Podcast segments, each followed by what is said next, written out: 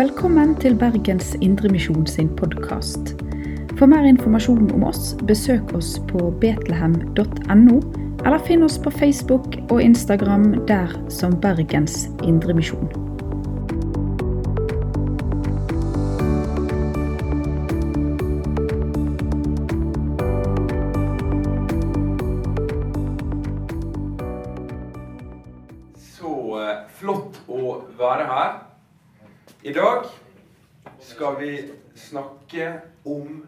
Den hellige ande som utrusta til tjeneste. Du skjønner det at eh, det var en pastor som het Timoteus. Og eh, Timoteus han savna medarbeideren sin Paulus. Og Timoteus han hadde stått på i tjenesten for evangeliet, men jeg ser for meg det at i sin tjeneste så hadde han blitt sliten og lei seg. Kanskje følte han seg litt ensom. Men så får han et brev fra medarbeideren sin. Og da skriver apostelen Paulus til han For Gud gav oss ikke Det er 2. Timoteus brev 1.7. 2. Timoteus 2,1,7. For Gud gav oss ikke ei ånd som gjør motløs. Vi fikk anden som gjev kraft, kjærleik og visdom. Og så sa han i vers, neste vers Bær lidingene for evangeliet i den kraft som Gud gjev. Så verset før så var det kraften som ånden gir til tjeneste. Det er ikke en ånd som gjør at du blir motløs, men en ånd som gir kraft. Så leser vi neste kapittel, kapittel 2, vers 2. Og Det står at apostelen Paulus sin lære skal Timoteus gi videre til pålitelige mennesker som er i stand til å lære andre. Og da vet vi det at Den hellige ånd som utrusta Timoteus til å få kraft til å bære ut forkynnelsen av evangeliet, sjøl om det koster lidelse. Han gir også kraft til det som står i 2. Timoteus 2, 2 å lære opp og istandsette andre mennesker til å bli opplærte. Og Jesus han sier til apostlene sine i Jerusalem i apostelgjerningene 1,8 at dere skal få kraft når Den hellige ande kommer over dere til å være mine vitner. Temaet i dag er utrustning. At Den hellige ånd utruster til tjeneste. Og Paulus han legger så vekt på det at for når han, når han forkynte evangeliet, så sier Paulus det at Yes, Jeg brukte ikke disse her fine ordene som filosofene bruker. Visdomsord som mennesket har lært oss. Nei, jeg bærer fram min budskap med ande og kraft. I 1. Korinterbrev 2, 4. Så det vi ser ut fra disse versene her, det er at kraft og Den hellige ande er kobla til oppdraget vi har, vi i Betlehem, til å gjøre alle folkeslag til disipler. Det er Den hellige ånd som gir den kraften til å både vitne, til å bære fram budskapet om Jesus sin død, oppstandelse og himmelfart, og han som skal komme igjen og dømme levende døde. Det er Den hellige ånd som utruster alt som skjer fra talerstolen, som er Guds ord, er åndsbære, Og forsamlinga som blir styrka av det ordet som blir sendt ut av Guds munn gjennom forkynneren, det er Den hellige ånd som virkelig gjør det. Og Jesus, før vi snakker om det her med tjeneste så er det så viktig å snakke om for et rikt privilegium vi har. Fordi at uh, Jesus sitt hovedbudskap når han var på jorda, det var å forkynne evangeliet om Guds rike. I Matteus 4,17 så sier Jesus 'Vend om, for himmelriket er nær'. Johannes døperen han forkynte nøyaktig det samme. I Matteus evangeliet, kapittel 3, vers 1, så sier døperen 'Vend om, for himmelriket er nær'. Så du vet at eh, ofte når det er nyttår, så bruker jo mange å skrive sånn nyttårsforsettliste. sant? Noen har kanskje 'Jeg skal bli snillere med barnebarna mine'. Kanskje noen er 'Jeg skal eh, trene opp eh, muskulaturen min'. Kanskje noen eh, yngre av oss tenker jeg må få litt bedre karakterer på skolen. Sant? Det vi har på førsteplass på denne nyttårsforsettlista, det er det som er mest verdifullt for oss. Men når Jesus skal forklare verdien på himmelriket, så sier ikke han himmelriket det er verdt eh, så så mye. Nei, da forklarer han en lignelse om en mann som går forbi en åker. Og i denne åkeren her så ser han at det skimter en sånn skatt i åkeren. Så går han bort og så graver han opp skatten. Så ser han den skatten her full av edelsteiner og juveler, ser jeg for meg. Og så springer han hjem.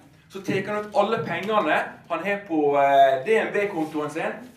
Og så selger han alt han eier for å kjøpe åkeren for å få skatten. Men utgangspunktet var at, som Matteus 13 sier, at denne skatten i åkeren, den var gjemt. Den var skjult. Og for alle mennesker så er det sånn at Guds rike er skjult for oss. Vi er omtrent født med et slør over øynene våre. Det er skjult for oss.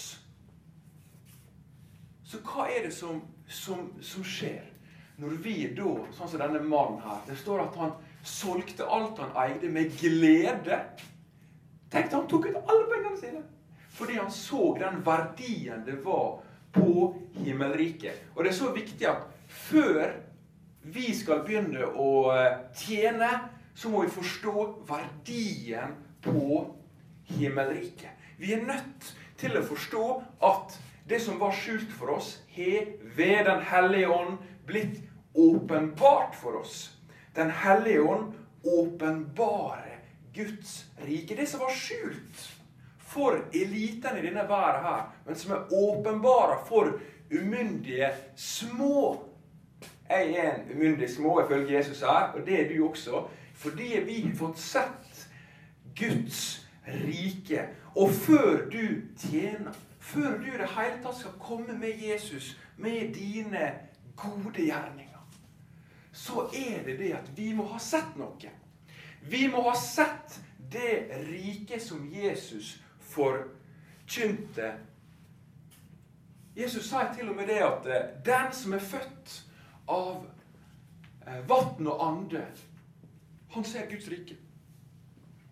Han ser Guds rike. Så det er Den hellige ånd som gjør at vi ser Guds rike. Når vi har sett Guds rike, da vil responsen være å tjene. Og det er ikke bare meg eller Njål eller de som forkynner ordet, som får denne velsignelsen av å tjene. Nei, nei, nei. nei. Vi kan gå til 1. Korinterbrev, kapittel 12, vers 1. Fordi da sier Paulus at i første kor 12,1 Og da sier Paulus det at når det gjelder åndens gåver, vil jeg ikke at dere skal være uten kunnskap. Gud sier til dere her i Betlehem, ikke vær uten kunnskap. Eller vær ikke ignorante over Den hellige ånds sine gaver til hver enkelt av oss. Alle gavene, det er nådegave. Det er gave som han gir gratis av nåde.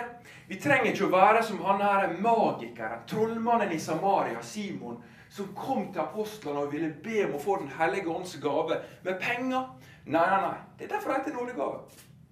Fordi Gud gir det til de som er lem på hans kropp. Og nådegavene er ikke for opp, kun oppbevaring.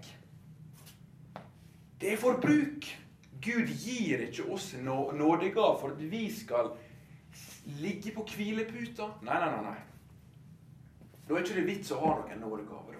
Han gjør det for at vi skal tjene nesten i forsamlinga. Og etter at Paulus har lista opp et par nådegaver som du kan studere nærmere når du kommer hjem i dag, så sa han i vers 11 i kapittel 12 Alt dette er et verk av den ene og samme anden som deler ut sine gaver til hver enskild som han vil. Videre i kapittel 13 så snakker Paulus om den bedre veien, om kjærleiken. Og så sa han i kapittel 14 Da taler han om at nådegåvene operert i kjærlighet. Det er det som er det vi trenger. Noen ganger så leser jo vi helt feil. For vi tenker av og til ja, vi trenger kjærlighet uten, no uten noen nådegave. Men det Paulus sitt budskap i første kor 12-14 er det at vi trenger nådegavene operert i kjærlighet. La alt dere gjør, dere sitter i Betlehem her, la alt dere gjør, skje i kjærlighet. La oss tjene hverandre ydmykt. Med et rent sinnelag, med et rent samvittighet. La, oss, la alt vi gjør, gå gjennom linsa av kjærlighet. Men la oss bruke nådegavene som Bibelen opplister oss til, for å tjene andre. Apostelen Peter sa det på denne måten her i sitt første brev, kapittel 4, vers 10. Tjen hverandre. Hver og en med den nådegåva han har fått som gode forvaltere av Guds mangfoldige nåde. Har du lyst å være en forvalter av Guds mangfoldige nåde? Jeg har lyst til det. Jeg har lyst til å være en som tjener dere. Og vi skal tjene hverandre. Og så sier Paulus det i Galatane 6.1 at skulle noen bli grepen i et feilsteg, så må dere som har anden, hjelpe han til rette. Så Den hellige ånd utruster oss til å rette ut handa til søsken som er falne i synd. Skulle noen bli grepen i et feilsteg, så må dere som har ånden, hjelpe han til rette. Jeg syns at Jesus han bruker et så utrolig godt bilde på det her i Johannes 15. For da forteller han eh, bildet av eh, Johannes 15. Da forteller han bildet om at eh, det er en, en vinbonde. Sant? Vi som, er, vi som er kristne i Norge, vi har kanskje lite peiling på vin. Jeg har i hvert fall lite peiling på vin. Men sånn jeg har forstått det, ut fra Johannes 15, så er det sånn, og litt tilleggslitteratur, så er det sånn at eh, Vintreet har ingen stamme. Det bare består bare av masse greiner. Og eh, israelittene de visste jo det at eh, i Skriften så tales det om israelsfolket som Guds vinhage. Israel er det her treet her. Men når du leser Johannes 15, 1, så sa Jesus Jeg er det sanne vintreet. Så Israel det var et vintre. Men han, Jesus, er det sanne, det ekte vintreet. Og så står det det at uh, disse greinene her, da, de bærer frukt. Og du vet det at uh, hvis du hogger av ei grein og legger den på bakken, så vil den visne. Den vil råtne. Men når greina er på vintreet, så vil den naturligvis være et, et resultat av å bli, av å være i vintreet, så vil den bære frukt. Og hva er frukten? Hva er frukten på vintreet? Jeg hadde blitt veldig overraska om det kom bananer ut av et vintre. Jeg hadde blitt veldig overraska om det kom appelsin ut av et vintre. For du veit det at når Jesus er vintreet, så vil den frukten som kommer ut av greinene, være tilsvarende Jesus. Det vil være de fruktene som Jesus sjøl hadde. Den frukta jeg og du bærer, er Kristus lik. Sant? Tenk om det kom appelsinjuice ut av de druene du presser. Da er det noe suspekt.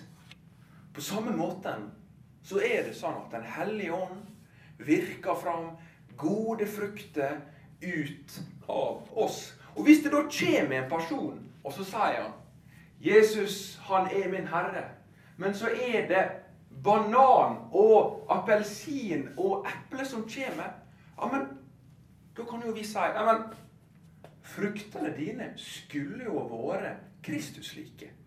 Det skulle jo ha vært druer. Det er bare én type frukt som er gyldig, og det er Jesusfrukten. Andre Korinterbrev 3,18 sier på denne måten her at omdannelsen av oss, det skjer ved Herrens ånd. Sant? Paulus han sier dette igjen og igjen og igjen. Jeg vet ikke hvor mange ganger han sier det, men han sier at vi er i Kristus.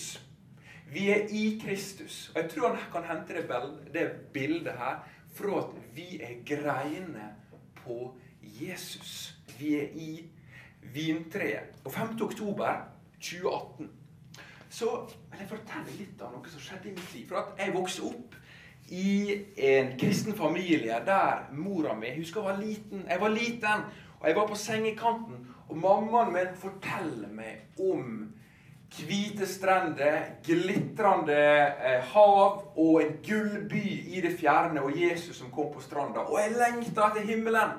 Jeg var oppvokst med en himmellengsel. Men så kommer livet, og du blir interessert i denne forferdelige fotballen. vet du. Og du begynner å spille så masse fotball at det er kamper på søndager.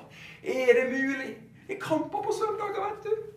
Og så er det sånn at eh, i min siste kamp for Volda så får jeg ballen på 30 meter, og jeg greier å trikse den opp og skyte ballen. Og denne her keeperen på det motstanderlaget han var polsk og var 2,05 høy, men den får en bue over krysset, i krysset. Og alle applauderte. Den beste følelsen jeg har hatt i hele mitt liv. Den beste følelsen jeg har hatt i hele mitt liv, å skåre det målet. Du, kan, du, kan, du, bare tenke deg det? Har du hatt noen sånne dager? Der det bare føltes utrolig bra. Det var bare så Kanskje det var bursdagen din. Kanskje det var eh, at eh, folk på jobb eh, applauderte deg for en god innsats. Men 5. oktober 2018 så var jeg faktisk hjemme hos en av dere som sitter her i dag. Ja, hvem kan jeg være? Det var Mathias. Vi er jo fra samme plass da, i Volda. Så var jeg hjemme hos Mathias, og så begynte vi å synge lovsang. Det var En lovsang det er sanger som vi bruker til å prise Gud med. Og så opplever jeg det at eh, jeg blir veldig varm om hjertet. Og jeg opplever en enorm fred og en enorm glede. Og jeg bare må kaste meg over halsen på Mathias og de som var der. Og denne opplevelsen som jeg opplevde, det var liksom sånn at denne teoretiske tanken om Jesus flytta seg ned i hjertet.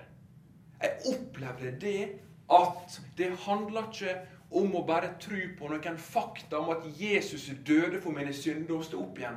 Men det handler om å overgi seg til en person. Det handler om å gi seg over til Ikke noe bra med fakta, det. Men det er det.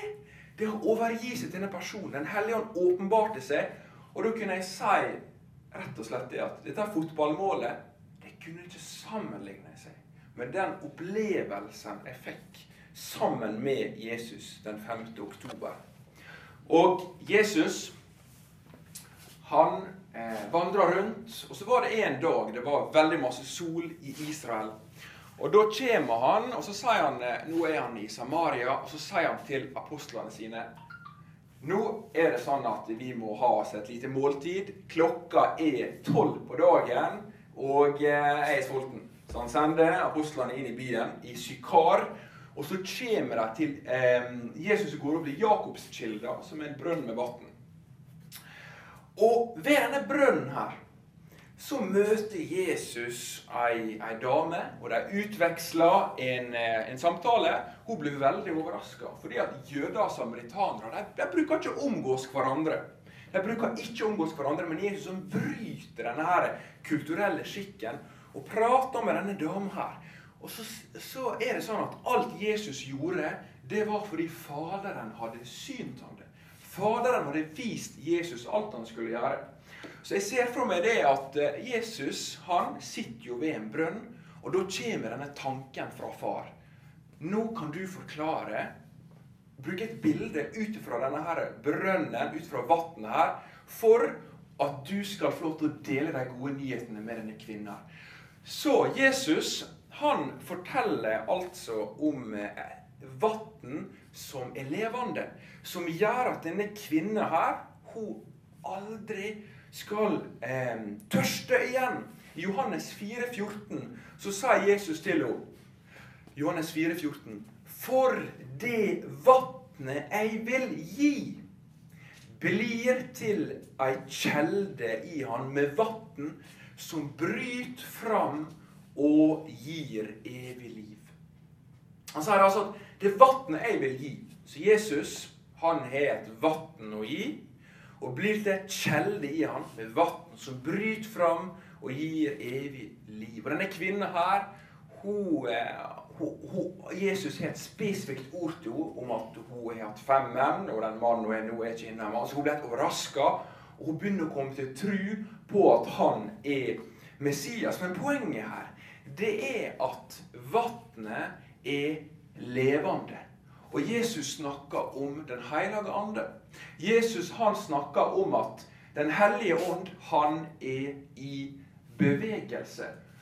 Vannet som er i ro og er stille, det er ikke det som symboliserer Den hellige ånd, men det er det levende vannet. Den elva som renner og renner, det er Den hellige ånd.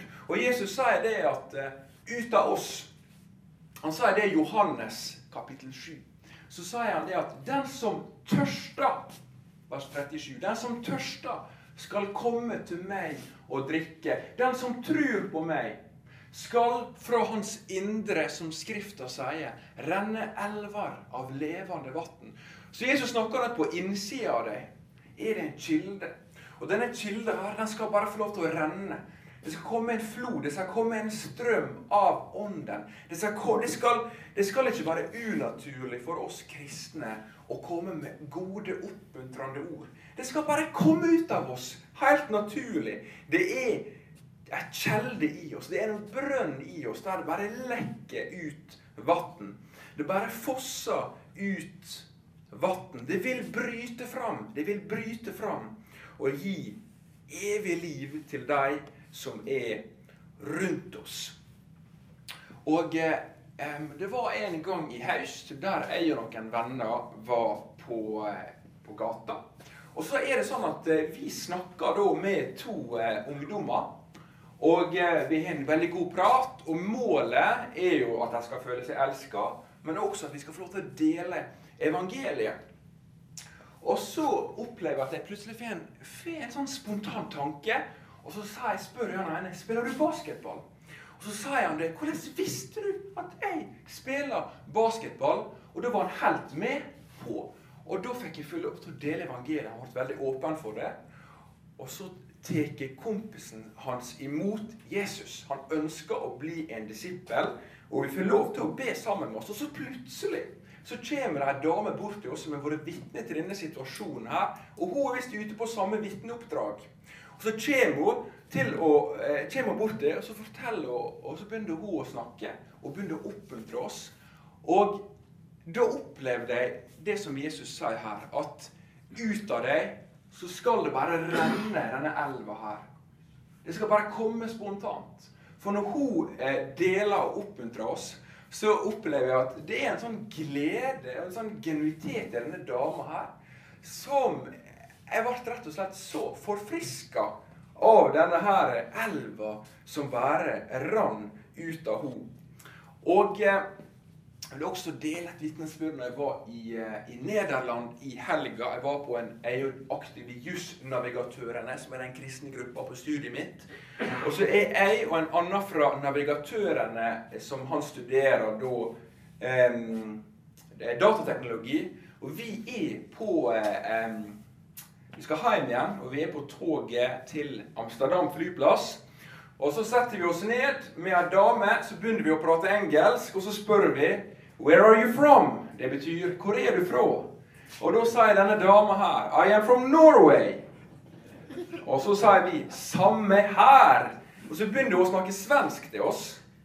Så hun var fra Norge, og så forteller hun ja, hun hadde bodd i Norge i 20 år. Nei, i Sverige i 20 år. Og så var hun fra Tingvoll.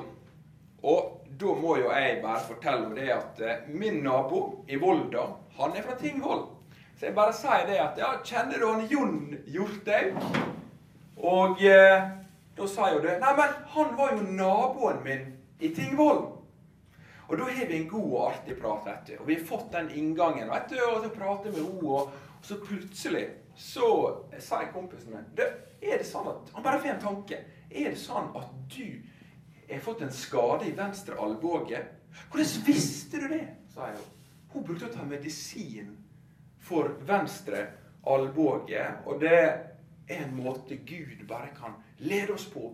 Og denne floden kan få lov til å komme ut av oss. Og første Tessalonikerbrev 5, 19. Så sier Paulus død Slokk ikke ut Den hellige ande. Slokk ikke ut Den hellige ande. Ok, Så Den hellige ande er sammenligna med et bål eller med en ild, med en flamme. Så sa han det at vet du hva? Dette bålet her, det kan bli mindre. Så slokk det ikke ut. Hell ikke vann på det. La det brenne. Aron sine sønner i den gamle pakt, de var pålagt av å sørge for at ilden på brennofferalteret stadig brant. Hver dag måtte de velge å la ilden brenne. Og vi må velge å la Den hellige ånd brenne i oss. Romane 12,11 sier 'Vær brennende i anden'. Vær brennende i anden. Held denne her flammen på å gå ut, på å dø ut. Ja, så la åndens vind blåse på glørne, sånn at nådegavene kommer i funksjon igjen. Fordi 2. Timoteus 1,6 så sier Paulus la Guds nådegave flamme opp igjen. La Guds nådegave flamme opp igjen. Utslokk ikke Den hellige ånd. Den hellige ånd er i bevegelse. Videre så er det sånn at eh, i vårt dagligliv, i alle våre relasjoner og i jobben vi står i, så er det sånn at Den hellige ånd kommer med visdom og kunnskap til oss. Visdom og kunnskap. Vet at når Paulus han hadde stor omsorg for disse menighetene som han hadde tilsyn over, og han bruker å be for dem. Og hvis du ser de bønnene som Paulus ber, så er det gang etter gang så ber han i henhold til Den hellige ånd. er alltid, eller er nevnt i disse bønnene hans. F.eks. i Kolossene 1,9. Der sier Paulus i Kolossene 1,9 Det er vår bønn at dere må bli fylt med kunnskap om Guds vilje og få all den visdom og innsikt som Anden gir. Han ber om at de kristne i Kolossai skal bli fylt med kunnskap om Guds vilje og få visdom og innsikt som Anden gir. Og Vet du hva? I alle dine relasjoner, i alle dine situasjoner, så kan vi gå med visdom. Og eh, litt sånn du snakka om i starten, med at Philip han var leder av Den hellige ånd. Så sier Jesus i Johannes 3,8 at vinden han bles dit han vil. Du hører vinden suser, men du veit ikke hvor han kommer fra, eller hvor han er på vei. Sånn er det med hver den som er født av Ånden. Ånden er litt sånn eh, uforutsigbar. Vi som er kristne, vi kan plutselig finne oss å være på rett plass til rett tid. Det er ikke bare eh, Erling Braut Haaland som står på rett plass til rett tid og skårer inn alle disse måla. Vi kan være på rett tid til rett plass for å komme med en oppmuntring. Eller vet du hva, du kan komme med et ord på gudstjenesten, eller bare i vanliglivet til noen, så kan denne personen si i ettertid Takk.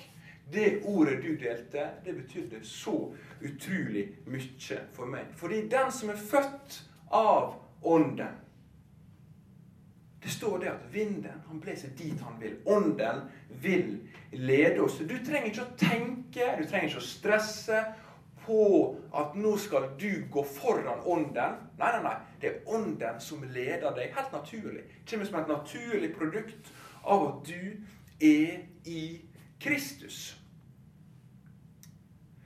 Og eh, Jesus, han forteller store ord. Store ord når han sier at det er best for dere at jeg fær opp til Far, og at Den hellige ånd det skal komme en annen talsmann, en trøster, til dere. Det er veldig store ord. For jeg, jeg, tror vi alle kan ta oss i tanken jeg skulle ønske jeg var en av de tolv. Jeg skulle ønske jeg levde på Jesu tid. Tenk å vandre sammen med Jesus.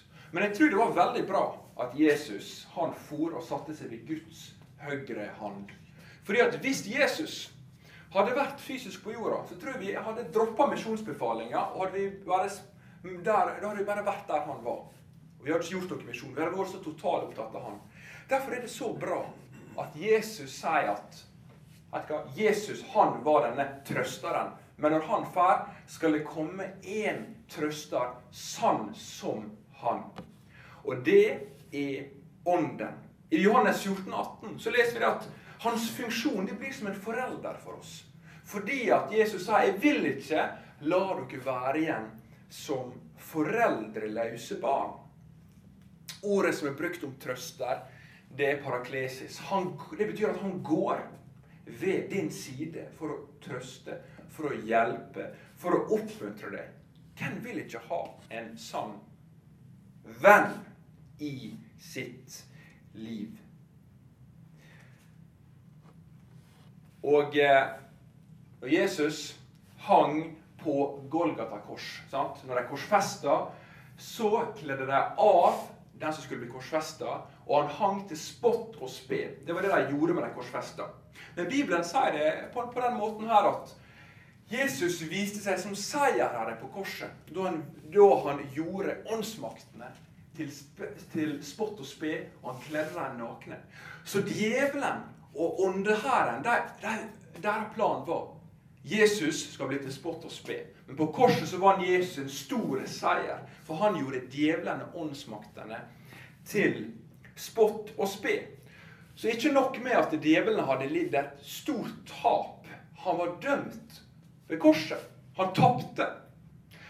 Så kan dere bare se for dere frustrasjonen for djevelen når Den hellige ånd kom på pinsedag.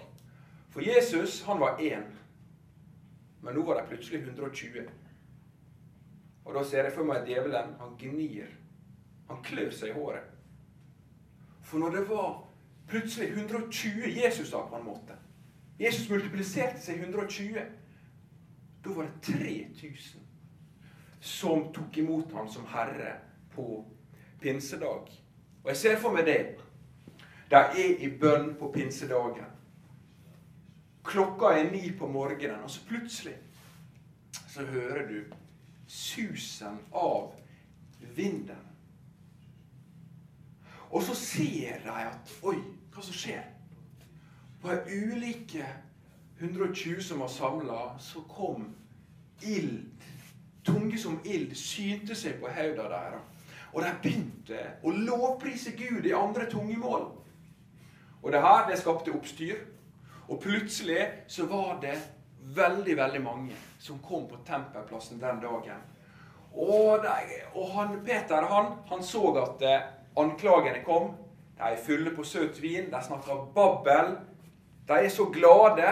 De har drukket seg fulle på søt vin. Så, Jesus, nei, så Peter han reiser seg opp, fylt av Den hellige ande. Så sier han det. Profetien fra Joel er oppfylt i dag. Joel sin profeti var at Den hellige ande skulle bli rent ut over alt kjød. Den hellige ånd skal bli øst ut. Og det er det dere ser i dag. Og så forteller han evangeliet om at Jesus har stått opp igjen fra de døde. Dere var med på korsfestene. Og da er det en av eh, de mange tusen som er samla. Og så sier han det. Hva skal vi gjøre? Hva skal vi gjøre til det her, brødre? Og Peter, han sa, vend om og la dere døpe. Da skal dere få tilgivelse for syndene og Den hellige andes gave. Det var Den hellige ånd som overbeviste om synd, rettferdighet og dom. Og på den dagen så ble 3000 individualister døpt av Den hellige ånd til å være ett legeme. Og det bringer oss inn i at Den hellige ånd vil utruste deg sitter i Betlehem i dag, og meg til å gå i forsoningens tjeneste. Den hellige ånd vil utruste oss til å bringe enhet og til å bringe harmoni i våre relasjoner. Efesene 4. 3-4. Efesene 4, 3-4 sier at 'gjør alt dere kan' for å ta vare på egenskapen i anden, i den fred som binder sammen. Én kropp og én ande, slik som dere fikk ett håp da dere ble kalla. Så Den hellige ånd bringer enhet til denne her forsamlinga i Efesus, som der det var grupper av jøder, av hedninger, som ikke kom overens. Så sa Paulus at løsninga er Den hellige ånd, som bringer enhet. For dere kalla til denne her, det bandet som binder sammen i den fred, i Den hellige ånd, som Gud gir. Og Vi blir illustrert det her i apostelgjerningene 10. For da hører vi om en romersk offiser. Han hadde mange romerske soldater under seg. Han var offiser for den italienske hæravdeling, og han heter Cornelius. Og Cornelius, han hadde Han var en mann som var from, og han frykta Gud. Og han ga mange gaver til de fattige i folket. Og plutselig så er det sånn at det er en hellig engel fra Gud som gir han et syn og forteller han at han skal få lov til å møte Peter. Og ikke lenge etterpå så er Peter han er klokka, klokka, klokka tre så er, ber han ettermiddagsbønna. Så får han se et syn av en duk som blir firt ned fra himmelen. Og i denne duken her, der er det alle levende dyr og fugler. Og så sier Gud at Stå opp og slakt. Og Peter han grunna på dette synet her inntil det kom tre mann og banka på døra. De var sendt fra Cesarea. Peter var Jaffa hos garveren Simon. Og de var sendt fra Kornelius, og de forteller at uh, du må komme nå til offiseren, til Kornelius. Og da sier ånden til Peter at han skal gå med dem. Så de går til Kornelius sitt hus, og han hadde samla venner og slektninger. Og så begynner Peter å forkynne. Og da begynner han å skjønne dette synet her, som Gud hadde gitt ham. Han har begynt å skjønne dette synet her i at, som han sier i Apostelen 10,34 Gud gjør ikke forskjell på folkeslagene. Det er verken jøde eller hedning lenger. Og Så forkynner det evangeliet om Jesus Kristus.